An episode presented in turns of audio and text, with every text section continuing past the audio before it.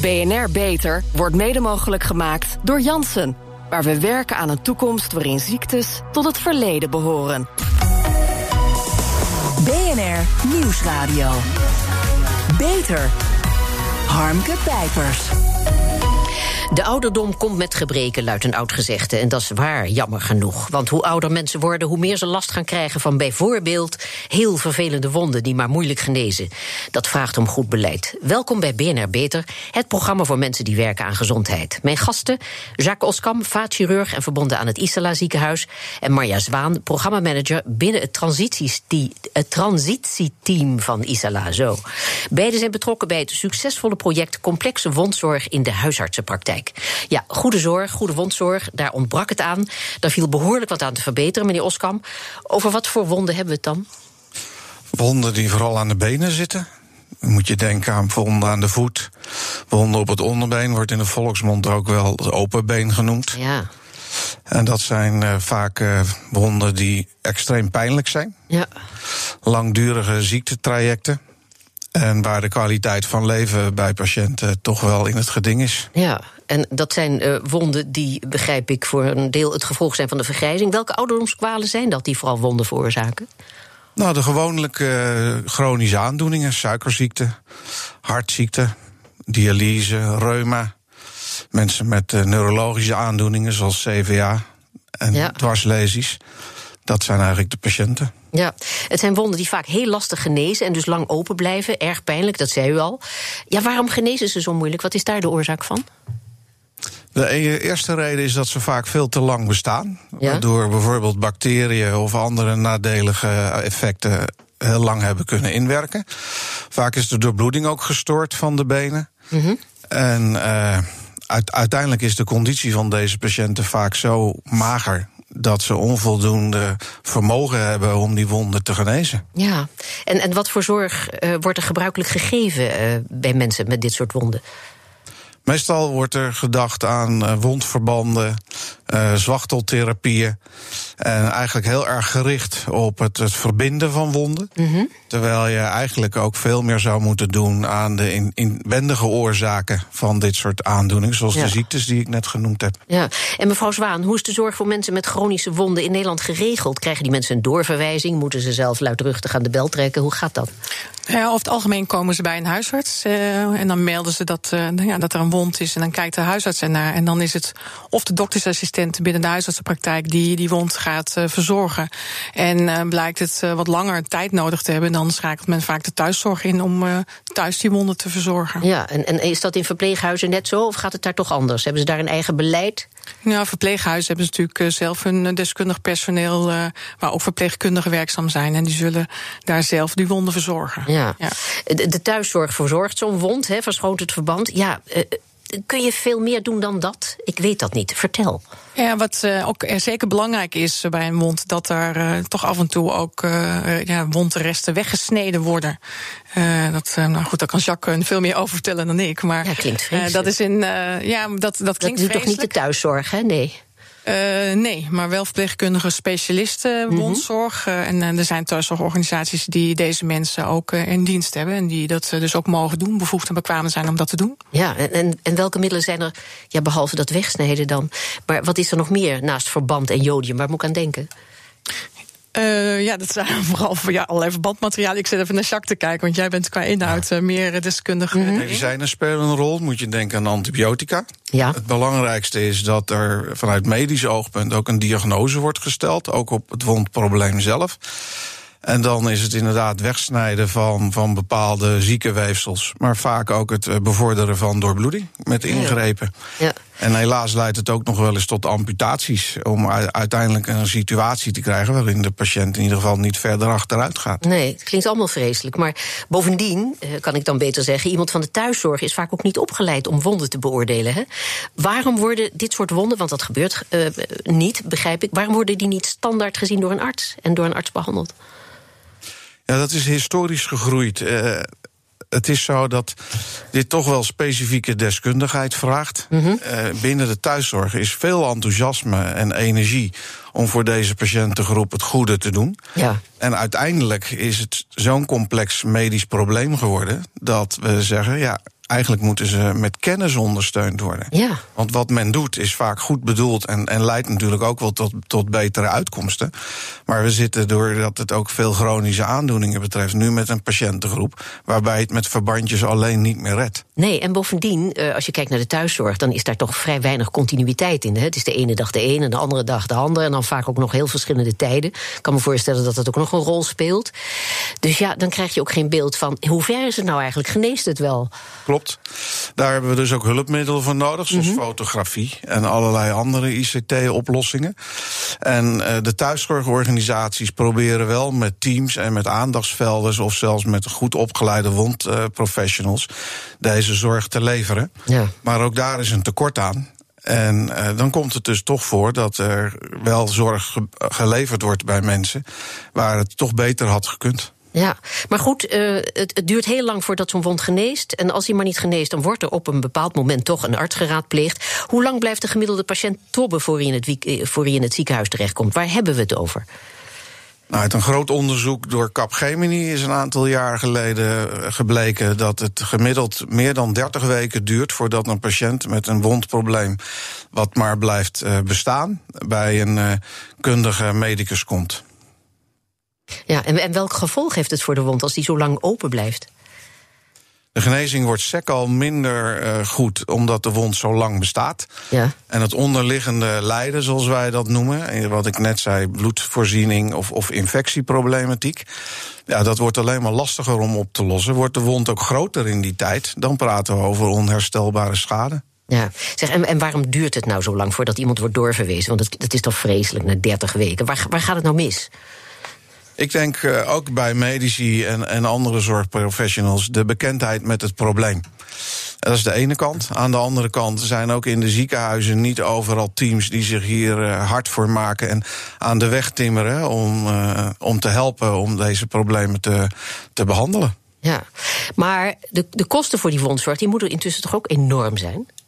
Waar hebben we het over, weet u dat? Ja, gaan verschillende bedragen gaan er rond. Maar eh, mijn- mijn inschatting is dat we op jaarbasis over 600 miljoen euro praten voor alle kosten die gemoeid zijn Ja. met deze zorg. Zoveel?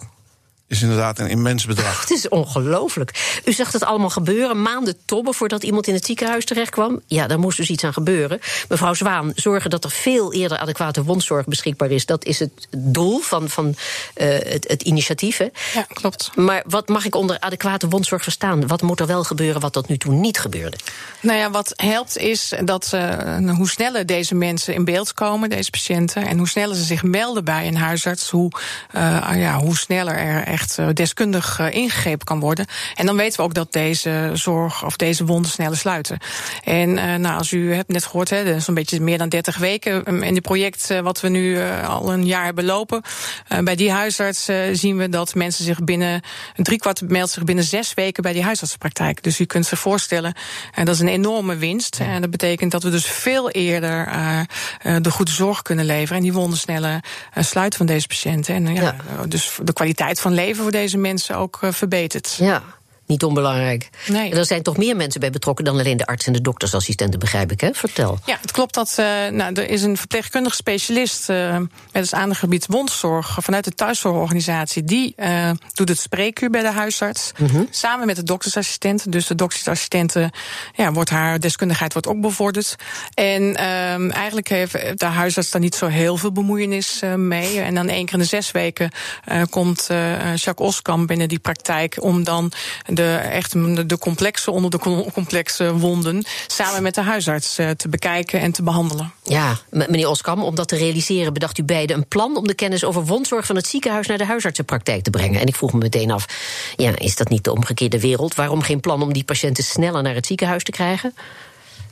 Omdat deze zorg qua complexiteit ook heel goed in een thuissituatie of een huisartspraktijk uitgevoerd kan worden. Ja. Daar heb je de dure ziekenhuisomgeving eigenlijk niet voor mm -hmm. nodig. De mensen kunnen ook heel goed getraind worden om het daar te doen. Daarom hebben we ook een getrainde VS'er.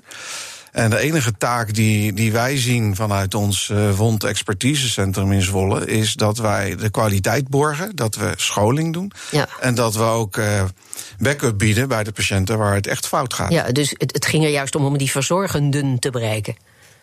Ja, en dat lukt ook wel. Ja. Het kost wel tijd, maar je Mhm. ziet dat dus nu in de plaatsen waar we werken, zoals Genemuiden, daar zie je dus ook dat lokaal netwerkjes ontstaan en Ja. men elkaar op gaat zoeken. Ja, ja. Dat is wel een heel mooi effect. Dat was uh, niet voorzien. We komen ook nu in verzorgingstehuizen, in Heerde bijvoorbeeld. En daar hebben we al waargenomen dat zelfs het aantal decubitusgevallen teruggaat, omdat mensen onderling gaan samenwerken. Een decubitus is doorliggen, toch? Dat is doorliggen, ja. Ja, ja, ja. ja.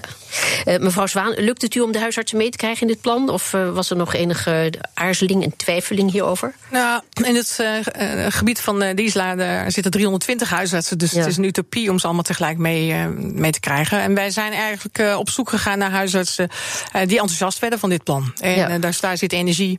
En daar zijn we. Want ik zit meteen te denken aan de huisartsentekort... aan het feit dat ze toch behoorlijk eh, overwerkt zijn en overspannen... en weet ik veel wat. Ja, maar eigenlijk ontzorgen we ook voor een deel de huisarts. Omdat de verpleegkundig specialist van de wondzorg, wondzorg van de thuiszorgorganisatie... die neemt eigenlijk een, een heel deel van deze zorg uit handen. Ja. En uh, we zijn ook een beetje aan de randgebieden van, uh, van onze adherentie uh, gestart. Hè, Want Zwolle heeft een groot adherentiegebied, Isla. Dus we zijn uh, ja, in, in die gebieden begonnen waar het voor de mensen best wel een enorme tijdswinst is. Hè, om, normaal moeten ze ver reizen om in ons ziekenhuis te komen. Nu kunnen ze dichtbij bij de huisarts deze zorg uh, ja. krijgen. En meneer Oskam, uh, u bent dus in die huisartsenpraktijk ook aan de slag gegaan. Hè? Was uw werkgever het Isla ziekenhuis uh, happig om u uit te lenen? Ja, of viel dat wel mee? Mijn collega's hebben het ondersteund. En ik denk ook dat het de nieuwe tijd is om je specialisme uit te oefenen. En in, in de nieuwe tijd denk ik dat, dat specialisten niet zozeer met verrichtingen of met handelingen bezig moeten zijn. Ze moeten ook hun kennis gaan delen. Ja. En dan ook ter plekke helpen. En, en ik vind dat een mooi model. Het is heel, heel veel inspiratie doe je daarop. Ja. Dus u zat op een gegeven moment als geneeskundig specialist uh, spreekuur te houden in de huisartsenpraktijk. En dat beviel u goed? Ja, beviel me goed. Ja. Mevrouw de mensen Zwaan. waren vrolijk en, en iedereen was eigenlijk heel enthousiast. Ja, mevrouw Zwaan, naast dat u kennis deelt, is er ook heel veel aandacht voor het monitoren van het verloop van de genezing. Hè, en de middelen Ja, die daarbij klopt. worden gebruikt. Ja. Want ja, dat is belangrijk om, om aan te kunnen tonen wat je wint met deze aanpak. Hè? Ja. Want het gaat toch uiteindelijk ook vaak weer om de cijfers, nietwaar? Zeker. Ja. Maar goed, hoe waren de reacties? Nou, de, de reacties je bedoelt van de, de zorgprofessionals Ja. om dat te doen? Ja. Nou, het, het, uh, ze hadden een camera bij zich waarbij ze ja, heel gericht foto's konden maken. En dus ook uh, eigenlijk per week kunnen monitoren wat het effect van hun behandeling is geweest. En dat is wel, dat, dat stimuleert ook en dat Ja. enthousiasmeert ook. En um, ja, men is wel gewend om allerlei dingen te registre registreren. Dus daar is eigenlijk niet zoveel weerstand uh, tegen Nee. geweest. Het project Complexe Wondzorg in de huisartsenpraktijk heeft de jaarlijkse prijs voor kwaliteit en veiligheid gewonnen. En dat is niet voor niets, want de resultaten mogen er wezen. Mijn gasten Jacques Oskam, ik ben er emotioneel een schor van. Jacques Oskam en Marja Zwaan. Harmke Pijpers. Ja, meneer Oskam, door meer aandacht voor de patiënt met chronische wonden is er snellere genezing. Vertel eens, wat zijn de cijfers, de resultaten? Want cijfertjes willen ze allemaal horen. Hè? Dan, dat, is, dat, dat weegt toch het zwaarst, maar ik wil ze ook weten. Nou, als het gaat om de duur van, van genezing, dat verschilt natuurlijk per gebied van het lichaam en per wond. Dan, dan zien we dalingen van, van 20 tot 50 procent doorlooptijd. Een ander ding wat we zagen was dus de snelle toetredingstijd. Waardoor we wonden eerder zien. Dat is vanuit uh, preventief oogpunt of het voorkomen van ellende en schade is denk ik een belangrijk winstpunt. Ja, En we zagen dus uh, het aantal verwijzingen met de helft teruggaan. ja, scheelde een heleboel centen, hè? Maar die Ja. cijfers hebben we nog niet. Ja, is 10 graag. procent. ze- ze zijn, eh, Die deelnemende eh, praktijken, daar zijn de, de aantal verwijzingen. Die waren 20 procent verwijzingen naar ons ziekenhuis en nu nog maar 10 procent. En tuurlijk zijn de cijfers ook van belang. Maar zeker als je kijkt, eh, en daar, nou, daar doen we het eigenlijk allebei voor. eh, is het voor, het, De eh, voor de patiënt. Ja, voor Ja. de levenskwaliteit. Sneller sluiten, zodat mensen weer sneller onafhankelijk eh, eh, hun dagelijkse dingen kunnen Ja, doen. absoluut. Deze zorg is, eh, is er tot nu toe alleen voor mensen in de regio, heb ik begrepen. Maar alle reden om die zorg uit te rollen, zoals dat heet, gebeurt dat al? Ja, we worden door eh, veel eh, verschillende regio's en ziekenhuizen ook benaderd. En Mhm. eh, eh, we gaan ook zeker met deze mensen in gesprek en delen onze kennis. want ja, vermenigvuldigen door al die zaken te delen, dat is ook iets wat je in de zorg zou moeten willen met elkaar. Ja. Meneer Oskam en mevrouw Zwaan, u wilt 80% van de wondzorg onderbrengen in de huisartsenpraktijk. Is dat realistisch met dat tekort aan huisartsen en al die overbelaste huisartsen? Wel als we voldoende mensen opleiden, zoals die verpleegkundig specialisten of aandachtsvelden uh, bij ja, de thuiszorg. dat zei u al, het ontzorgt ook, hè? Ja. ja. Niettemin, de resultaten zijn zo overtuigend uh, dat je zou verwachten dat ze staan te springen om projecten als deze. Maar toch ervaart u het huidige zorgstelsel als een obstakel. Vertel, wat, wat uh, zit u in de weg? Nou, we hebben de gebruikelijke schotten in de zorg als het gaat om uh, wie wordt waar betaald. Ja. Uh, dus dat is een financieel schot. Het is ook nog zo dat er contractafspraken worden gemaakt, zowel met huisartsen als met ziekenhuizen, waarbij deze aspecten nog niet standaard worden meegenomen. Mm -hmm. Dus je moet inderdaad wel over grenzen heen en je moet iedereen meekrijgen. In Zwolle is dat gelukt. Ook het bestuur van het ziekenhuis en het bestuur van de, van de huisartsvertegenwoordigingen. En dan zie je dat het kralenrijgen is. Ieder jaar een paar praktijken erbij. Ja, en dan hoop je dat er ergens een omslagpunt is. Waarbij misschien zorgverzekeraars zeggen van... kijk, dit wordt een standaard zoals zij het ook graag zouden willen. Ja, want die zijn toch ook wel benieuwd uh, naar deze methode. Hoe, hoe zit het met de kosten? Dat kunt u ze toch ook uh, voor vertellen? Hoe gunstig dat is? Vergeleken met de tussen aanhalingstekens oude situatie?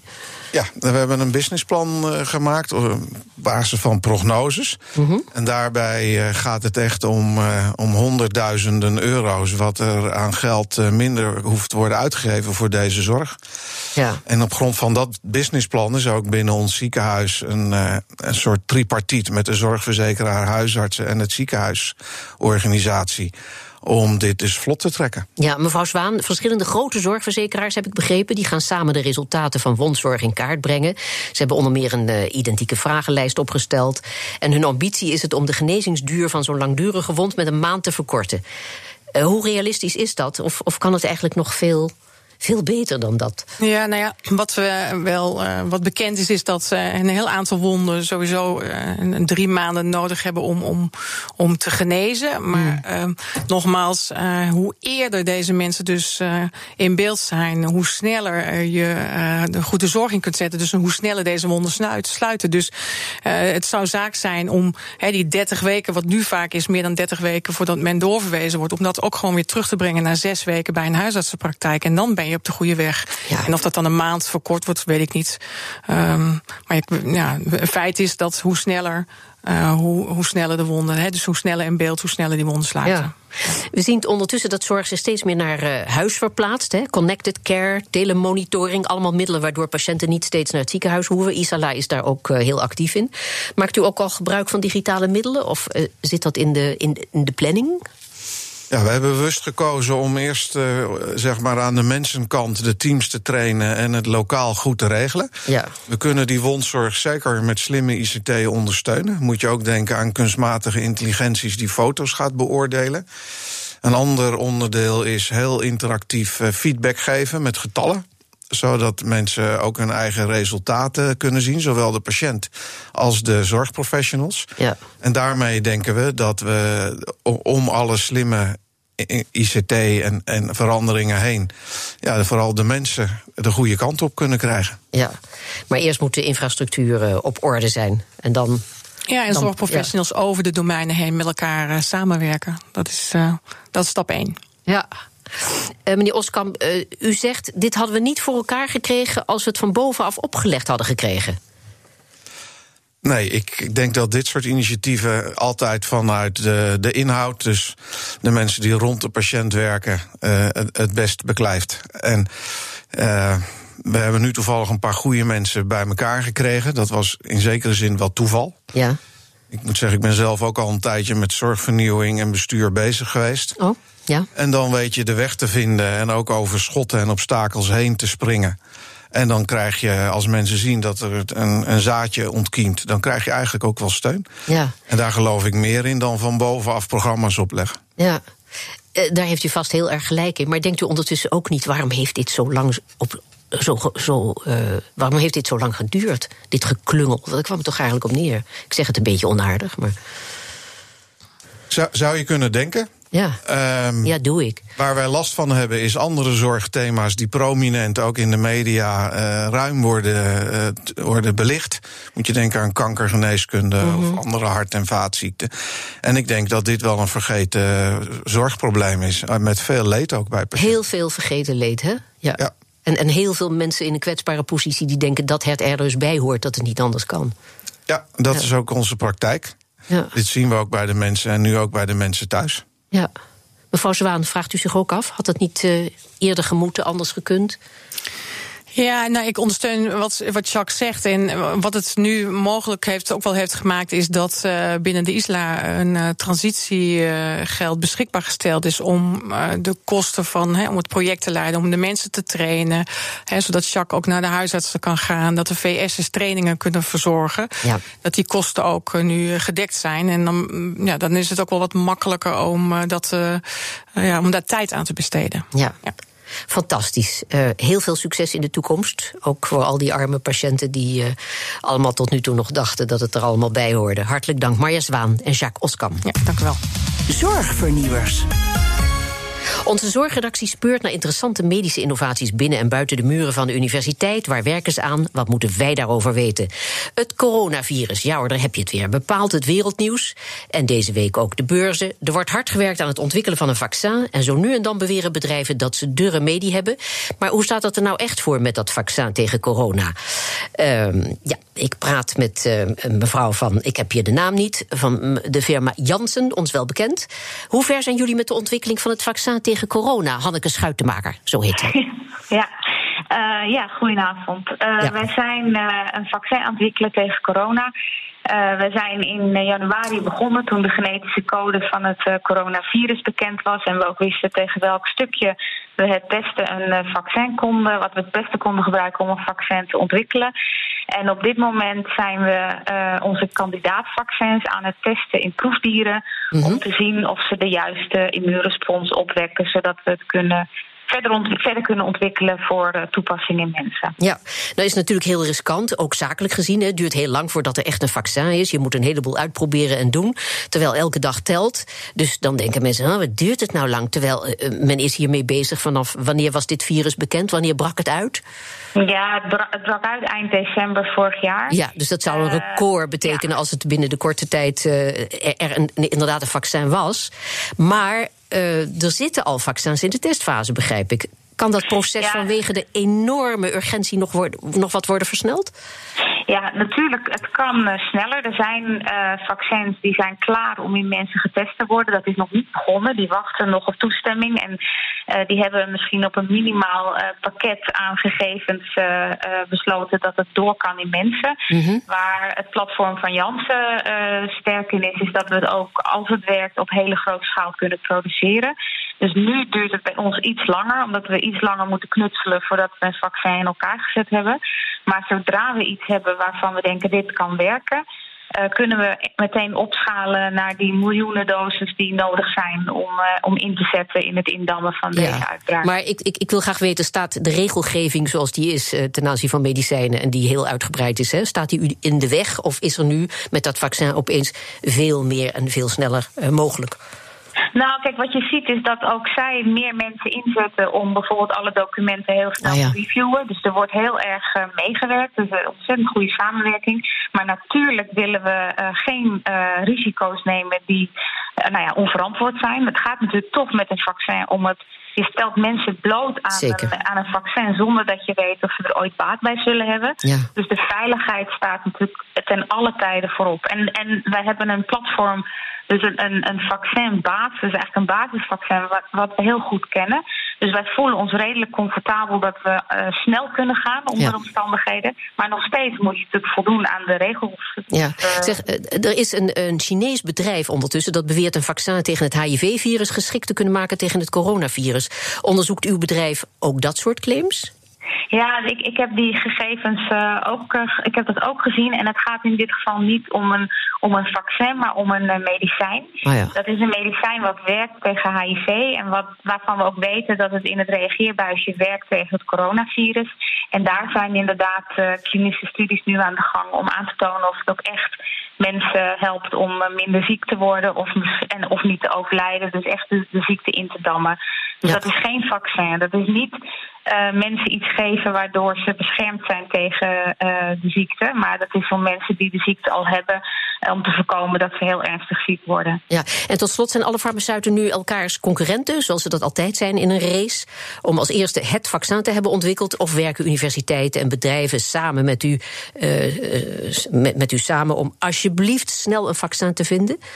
Ja, er is heel veel samenwerking. En mm -hmm. natuurlijk zijn bedrijven ook ja, je moet je gewoon focussen op je eigen kandidaat. Want als je je te veel laat afleiden, kost alleen maar tijd. Ja. Maar het is niet zo dat wij de eerste willen zijn. Dat geldt volgens mij voor de anderen ook niet. En ik denk dat er genoeg vaccin, of heel veel vaccin nodig is. En dat dus ieder vaccin wat de eindstreep haalt. Uh, verwelkomd moet worden. Dus wij, zijn, wij juichen het alleen maar toe. Wat denkt u tot slot? Ja, u heeft dat soort vragen natuurlijk al heel veel moeten beantwoorden. Is het een kwestie van dagen, weken of langer?